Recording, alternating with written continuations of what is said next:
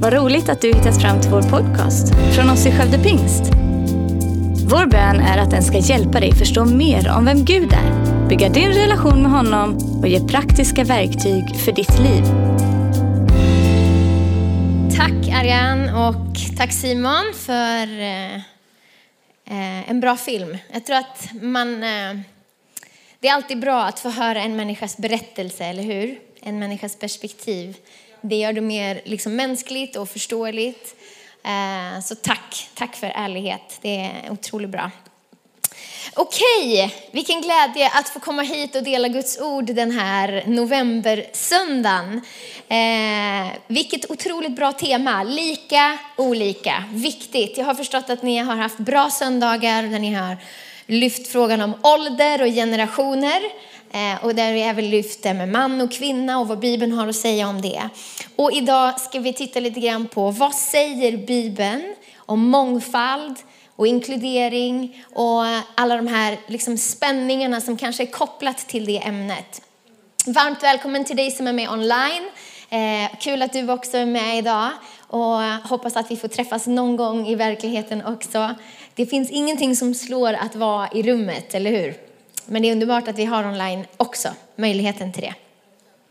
Eh, Okej, okay. varför är det viktigt att prata om de här ämnena?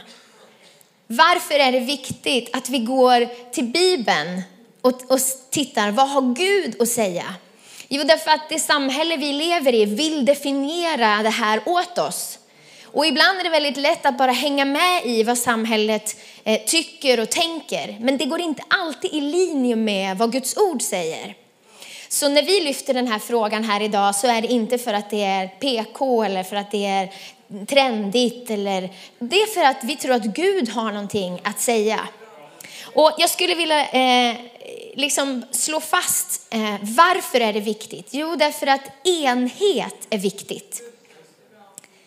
Eh, I psalm 133 så står det att där enhet råder, dit befaller Gud sin välsignelse. Och vilken kyrka vill inte ha Guds välsignelse? Eller hur? Det vill vi ju allihop såklart. Och våra familjer och så vidare. Men enhet betyder inte att vi alltid tycker likadant om saker och ting. Vi kan ha åsikter som skiljer sig åt och vi kan tycka saker om politik och samhällsproblem. Och det är en helt annan femma. Det här, det vi lyfter idag, det handlar om vad Gud säger om sin kyrka, sin kropp, hans plan för att nå en brusten värld och mänsklighet. Så vi kan sitta här och ha olika åsikter, rösta på olika politiska partier och tro att olika saker är lösningen. Men jag tror att den bästa lösningen för vårt samhälle, det är en stark fungerande kyrka som räcker ut sina armar i samhällets alla hörn och kanter och säger välkommen hem. Du hör hemma här. Det finns en plats för dig om du är gammal, om du är ung, om du är man eller kvinna, om du har ursprung från subsahariska Afrika eller långt i öst, i Indien eller Kina, eller om du är född och uppvuxen i Varola som min pappa. Det finns en plats för dig här. Du hör hemma här. Amen.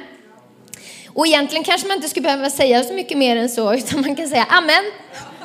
Och så går vi hem.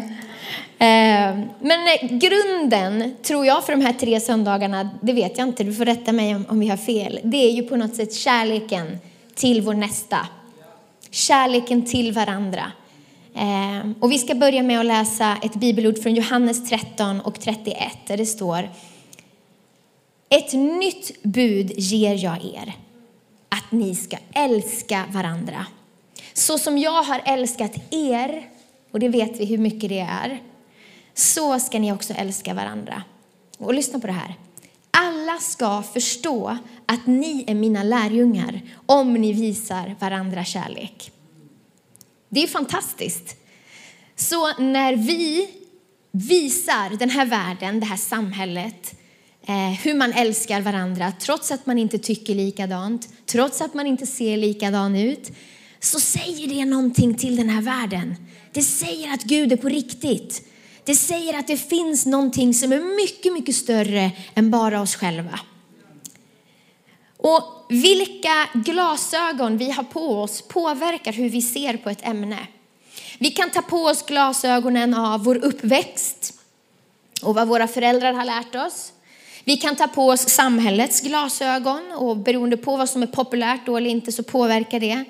Vi kan ta på oss våra förutfattade meningars glasögon. Men det tänkte jag att vi inte skulle göra idag. Utan vi ska ta på oss Jesu glasögon. Inte för att han hade något synfel tror jag. Men bildligt talat ska vi ta på oss Jesu glasögon och så ska vi se hur ser Jesus på den här frågan. Är ni med? Och så här är det ju, när man tar på sig ett par glasögon då ser man ju klart. Och ett exempel kan vara att om du ska köpa en ny bil och eh, är ute på jakt efter en viss bil. Låt säga, nu gör vi inte reklam för några vissa bilar här, det finns många bra bilar. Men vi väljer till exempel Toyota. Eh, en viss specifik Toyota. Vad händer då? Jo, du kommer se den här bilen överallt. Du kommer leta efter den, du kommer läsa om den, du kommer hämta information om den, du kommer fråga andra som har den bilen, hur är den här bilen egentligen att köra? Därför att när du har på dig de glasögonen då färgar det din värld. När jag och min man nu köpte ett gammalt hus och ska renovera ett sekelskifteshus så öppnas en ny värld där vi ser nya saker som vi aldrig tänkt på förut. Spröjs och alla möjliga grejer som man, jag har aldrig brytt mig innan, men nu har den världen öppnats för en och då ser man det med helt andra ögon. Och det ska vi göra med den här frågan, därför att jag tror att man kanske inte tänker på den. Men om du tar på de här glasögonen och läser Bibeln och söker efter mångfald och efter vad Gud hade tänkt, du kommer hitta jättemycket som annars bara går förbi. Så vi kan ha läst Bibeln hundra gånger och ändå missat det perspektivet. Så vi tar på de glasögonen idag, Jesu glasögon. Och den första punkten jag skulle vilja skicka med, det är att Guds hjärta reflekteras i skapelsen.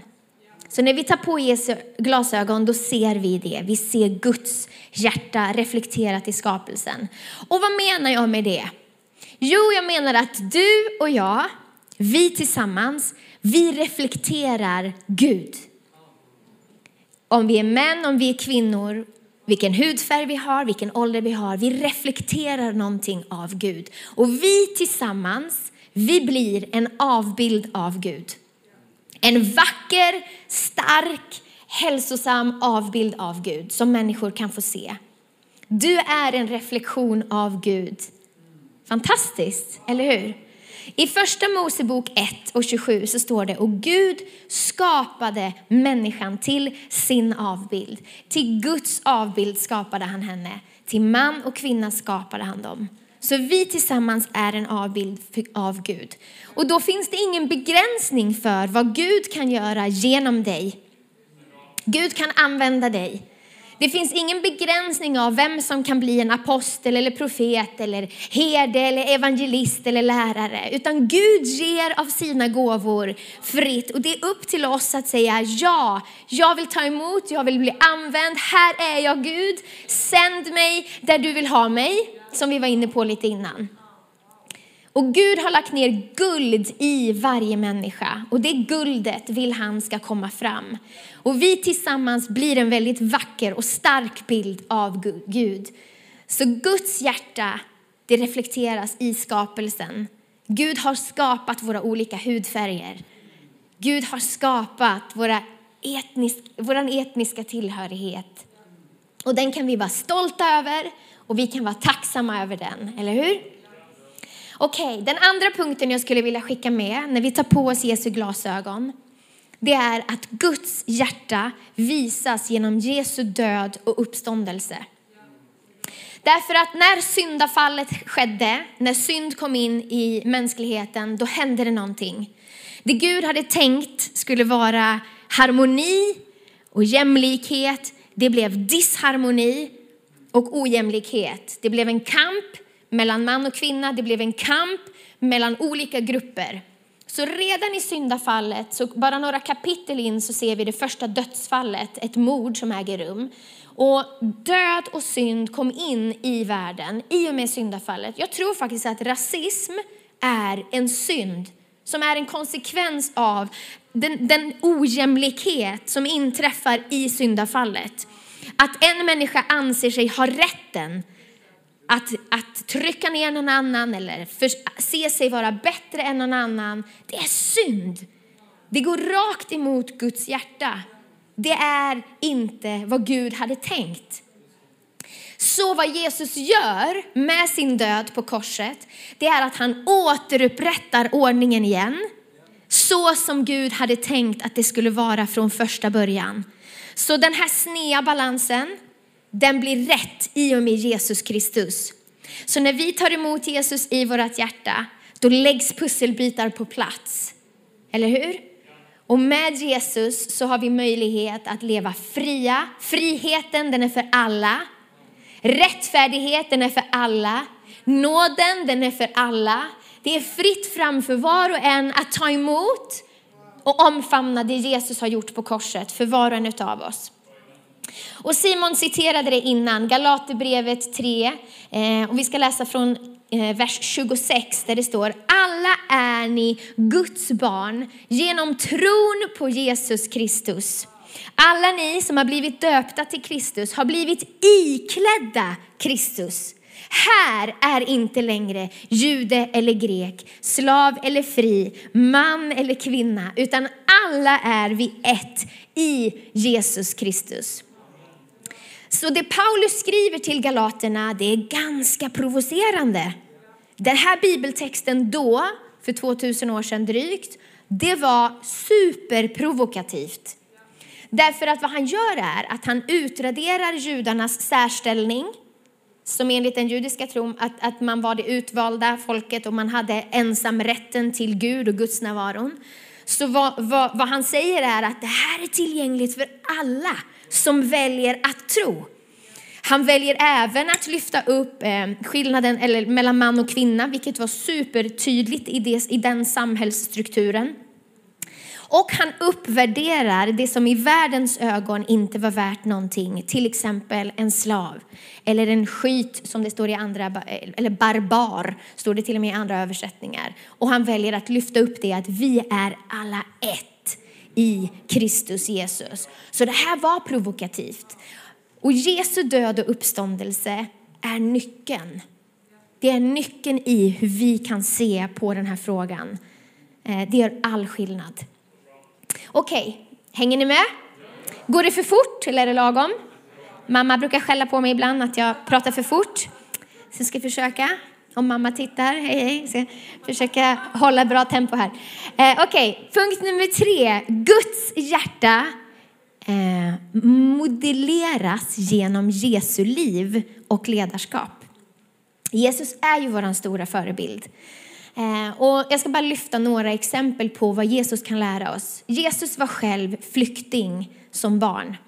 Han flydde från ett, från ett land till ett annat och fick växa upp eh, kanske bara med sin mamma och pappa och inte hela liksom, sin familj och släkt och sin, sin, trygg, sin trygghet. Så jag tror att han 100% kan relatera till hur det är att vara på flykt. Jesus förstår det. Han har levt det. Han har levt i utanförskapet. Han har levt i den smärtan som det kan innebära att man känner sig som världens ensammaste. Jesus, eh, när man tittar på tullindrivaren Sackeus som var avskydd av alla, han blir inkluderad av Jesus. Eh, och när Jesus inkluderar Sackeus så ifrågasätter människor det runt omkring. Hur kan du vara med en sån som han? Hur kan du göra det? Så Jesus väljer att se människor, han väljer att inkludera människor och han väljer att möta med människor oavsett vad samhället tycker om det. Och det är så otroligt uppmuntrande tycker jag. Ett annat exempel är den samariska kvinnan vid brunnen. Här är det dubbelfel därför att hon var kvinna, så Jesus skulle inte prata med henne egentligen. Men hon var också samarier, vilket var en folkgrupp som, som judar och samarier, det, det gick inte riktigt ihop. Men Jesus ser henne, han bjuder in henne till gemenskap och han möter med henne. Hon blir den första evangelisten som berättar för andra om vem Jesus är. Så han anförtror evangeliet till en kvinna som på den tiden inte hade möjlighet att ens vara vittne i en rättegång. Man var inte ens ett trovärdigt vittne i en juridisk process. Eh, men Jesus anförtror sin, sin, eh, sin gudom, att han var Messias, till henne. Jesus inkluderar även barn på ett otroligt unikt sätt. Eh, när lärjungarna visar bort barnen så säger Jesus nej, barnen tillhör Guds rike. Och så lägger han händerna på dem och så välsignar han dem. Också väldigt unikt för att vara i den tid, tiden. Och sist av allt så låter Jesus Maria från Magdala se honom som uppstånden, bland de första av alla. Han ber henne att gå och berätta det för sina lärjungar. Det är också väldigt, väldigt provokativt. Och vi kan i vårt privilegierade samhälle kanske tänka på att ja, alltså, man tänker inte mer på det. Men när man tar på de här glasögonen så ser man att Jesus agerar otroligt rakt emot sin kulturella kontext. Han gör något helt annat. Och vad gör han? Jo, han visar oss på Guds hjärta.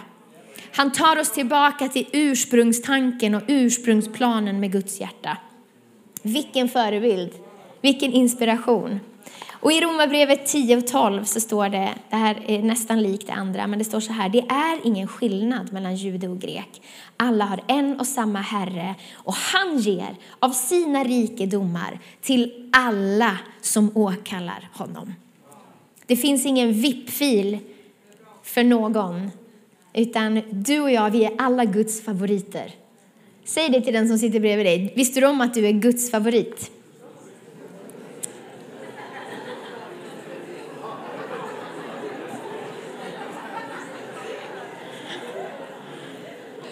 Många favoriter på en och samma plats.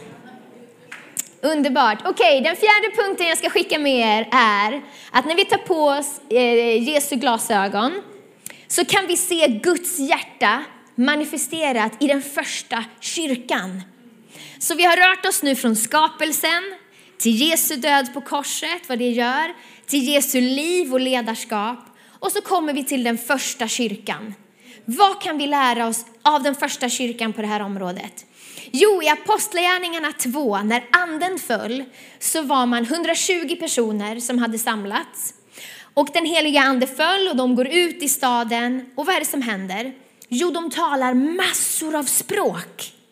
Det står att 3000 människor kom till tro på den dagen. Och sen fortsatte det hela tiden fram, eh, liksom Ännu fler människor nåddes för varje dag som gick.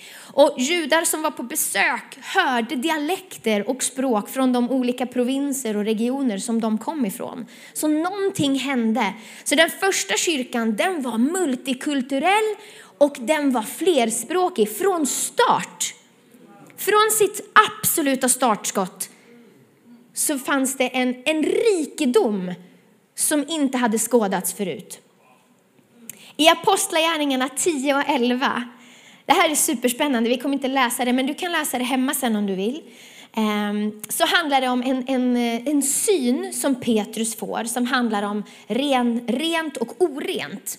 Och i den, i den judiska liksom, traditionen så fanns det ju väldigt tydligt vad som var orent och vad som var rent. Och eh, underförstått så kan man läsa, vi kan läsa i Apostlagärningarna 10 och 28 så ska vi få lite mer kontext. Då står det så här, ni vet att det är förbjudet för en jude att umgås med en hedning eller ens besöka honom. Men för mig har Gud visat att man inte ska kalla någon människa för ohelig eller oren. Varför skrivs det här ens ut? För vi kan ju tycka att det är självklart. Jo, därför att det var inte självklart. Utan det fanns en tydlig distinktion mellan vad man ansåg vara rent eller orent.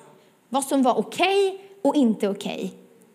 Så varför det står med är för att det behövde stå med. Det behövde göras tydligt att det var så här. Konsekvensen av Jesu död och uppståndelse blev det här. I vers eh, 34 så står det så här. Då började Petrus tala.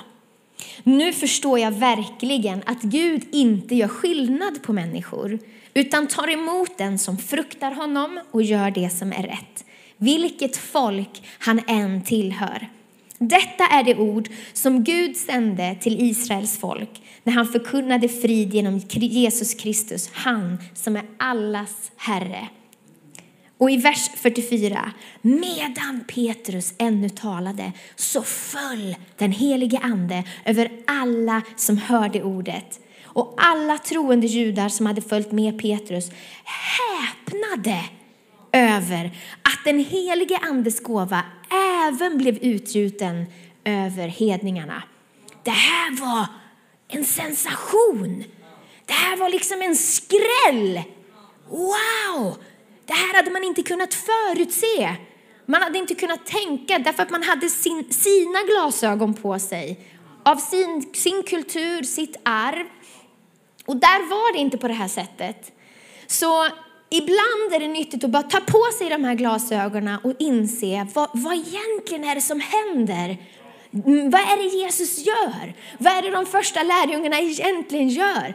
Vad är orsaken till att det exploderar och att tusentals människor lär känna Jesus?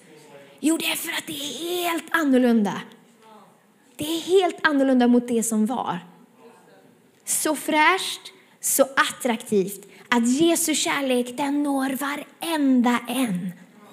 Wow, det är underbart. Jag tycker det är fantastiskt. Och punkt nummer fem. När vi tar på oss Jesu glasögon så kan vi se Guds hjärta i vårt uppdrag och i vårt ansvar. Och uppdraget du och jag har fått i Matteus 28 och 19, det gäller än idag. Det är vårt uppdrag, ditt och mitt. Och som vi var inne på innan, någon kanske känner att men jag är kallad att göra det här, jag är kallad att göra det här. Egentligen är vi alla kallade att göra det här. Gå därför ut och gör alla folk till lärjungar. Döp dem i Faderns och Sonens och den helige Andes namn. Det är vårt uppdrag. Och ibland innebär det uppdraget att vi leder lovsång och ibland innebär det att vi plockar skräp och ibland innebär det att vi gråter med den som gråter.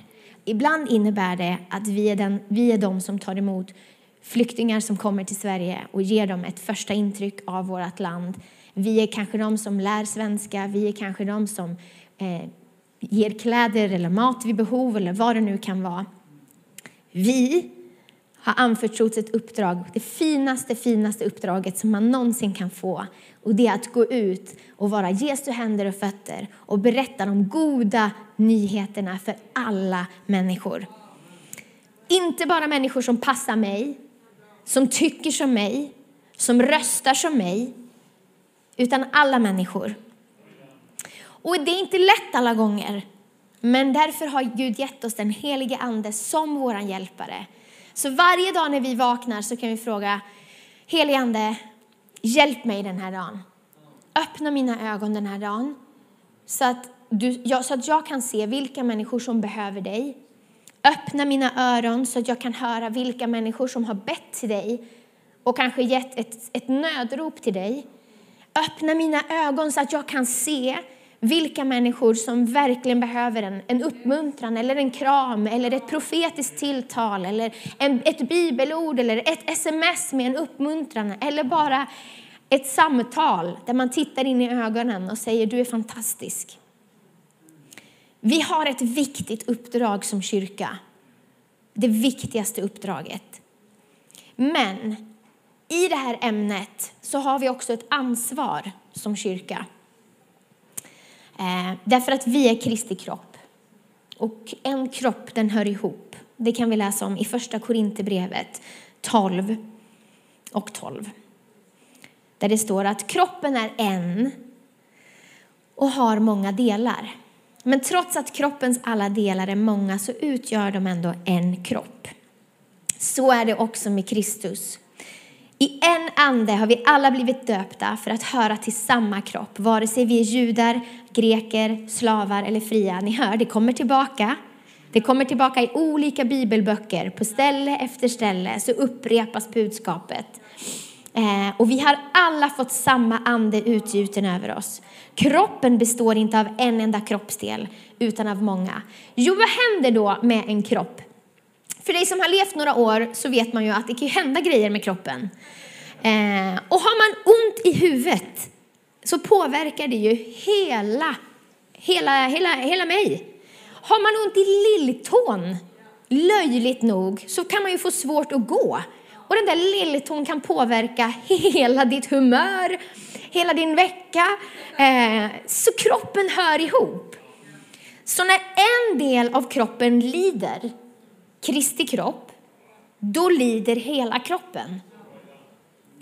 Och då vill det till att vi är medvetna om att en kroppsdel lider och inte ignorerar det. Och det sista året som ligger bakom har ju präglats av en, en massmedial stor debatt kring just rasism och människors lika värde.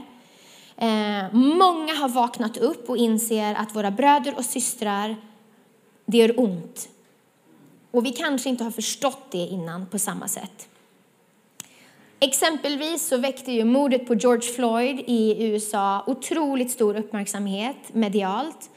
Eh, och det kom en flodvåg av protester och manifestationer runt om hela jorden som för att stå upp för våra svarta bröder och systrar.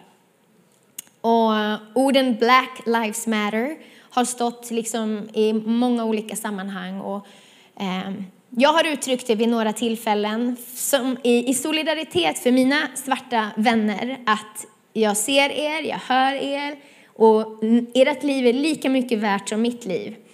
Och jag märker att det är kontroversiellt därför att jag får också då sms och meddelanden att du som pastor kan inte säga så därför att det här är en organisation och den står för ditten och datten. Och då tror jag man har missuppfattat allting. Därför jag står inte bakom en organisation eller en politisk agenda. Jag står för det Gud säger i sitt ord. Jag står för det Gud har kallat oss som kyrka att vara. Jag står för det Jesus har gjort på korset. Jag står för att kärleken den övervinner allt. Så när jag säger de orden, exempelvis Black Lives Matter, så är det för att jag tror att det är så från Guds hjärta. Jag tror att Gud säger så.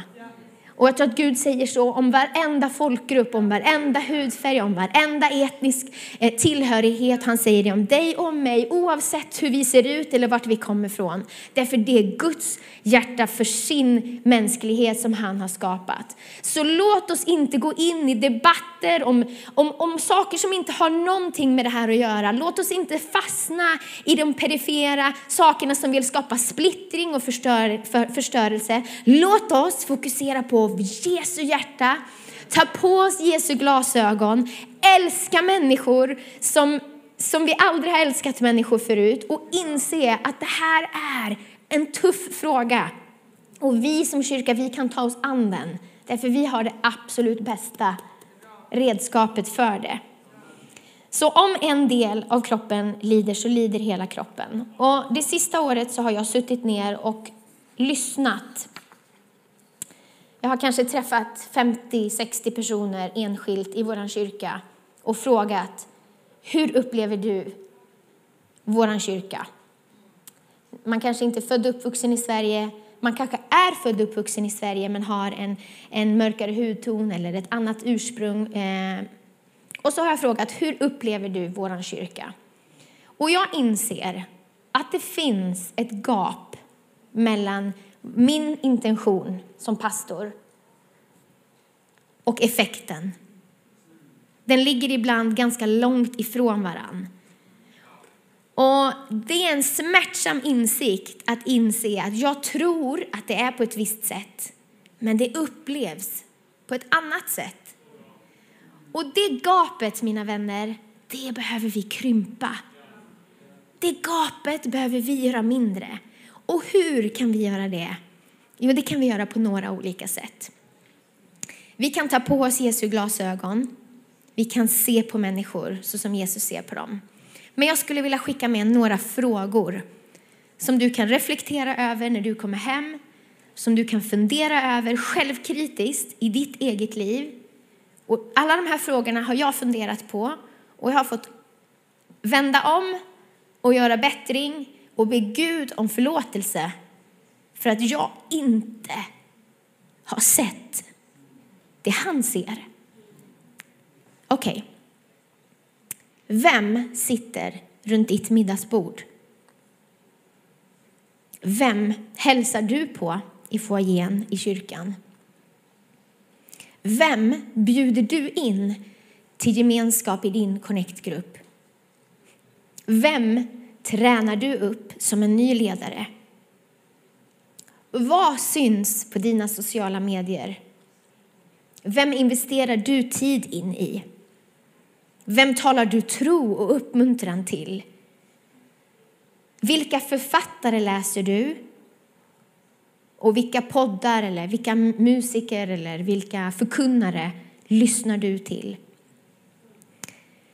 Och om, om du tittar på de här frågorna och om du funderar, om alla ser ut som du själv, oavsett vem du är, om alla ser ut som du själv så är det dags att vidga dina cirklar. Då är det dags att lyssna på någonting annat. Då är det dags att läsa någonting från någon annans perspektiv. Därför när man gör det, då förstår man lite mer. Och när man sitter ner med en människa öga mot öga och får se de tårarna trilla ner, eh, då gör det någonting med oss. Det gör någonting med våra hjärtan. Och du kommer bli otroligt välsignad på köpet. Det finns bara vinnare. Det är en win-win situation. Och jag har varit tvungen att ransaka mitt eget hjärta och jag har varit tvungen att be Gud om förlåtelse. För jag har inte lyssnat tillräckligt, jag har inte agerat tillräckligt. Eh, jag har inte sett tillräckligt. Och ett exempel som kanske låter jättelöjligt men mm, jag har två söner som vi nämnde innan. En eh, går i sexan och han har haft en bästa vän i sin klass eh, hela vägen. De har suttit tillsammans och de har spelat fotboll tillsammans. Och när allt det här började välvas om och jag började på något sätt ransaka mig själv så inser jag att jag inte har bjudit hem den familjen hem till oss. Men jag har gjort det med andra familjer som ser ut likadant som mig. Och det var en ganska smärtsam insikt att jag tror att jag är inkluderande. Jag tror att jag är generös på det här området. Och så visar det sig att det kanske jag inte alls är. Så när vi tog steget att fråga om vi kunde få ses och bjuda på middag, den kärleken som vi överöstes med, den var helt enorm. Och jag skämdes över att det har tagit så många år. Eh, och så inser man att här har jag en vän här har jag en vän för livet. Vi delar inte samma religion, men våra, våra söner är bästa vänner. Och vi delar en vänskap och en respekt för varandra som är fantastisk. Och jag inser att jag har gått miste om massor under de åren när jag inte sträckt ut en hand. Därför det är lättare för mig att sträcka ut en hand än för den som kommer från ett, annat, från ett annat land eller från andra förutsättningar. Så jag har ett ansvar att sträcka ut min hand och att bjuda in. Och jag är övertygad om att ingen i det här rummet skulle kalla sig för rasist. Det tror jag inte. Jag tror inte det ligger i våra hjärtan. Men jag tror att vårt beteende ändå ibland kan vara exkluderande. Även om vi inte tänker på det, även om vi inte vill det, så kan vi agera på det sättet. Och det har inte med någon specifik hudfärg att göra, utan det har med våra hjärtan att göra. Vi behöver se oss som bröder och systrar i Herren. Vi behöver se varenda människa som Guds son eller Guds dotter. Och rasism idag, det är inte bara enskilda handlingar där man säger elaka ord. Utan rasism idag i vårt samhälle, det är ett strukturproblem. Som gynnar vissa grupper och som missgynnar andra grupper. Och där kan vi som kyrka vara annorlunda och säga att det där systemet, det finns inte här. I Guds hus, där är det Guds spelregler som gäller. Där är det medmänsklighet och kärlek och evangeliet som råder. Och här har vi som kyrka ett ansvar att vi kan spegla hur Gud hade tänkt att det skulle vara. Vi kan vara en förebild för samhället som samhället kan få titta på och se, wow, så kan man göra. Så som avslutning, lovsångsteamet kan komma upp så ska vi sjunga tillsammans alldeles strax. Jag tror att när kyrkan vaknar upp så kan vi vara en motor till förändring. Vi kan göra skillnad, vi kan sätta en standard. Vi kan se människor som Jesus ser dem. Vi kan bjuda in människor i vår gemenskap. Vi kan undanröja hinder och bygga broar.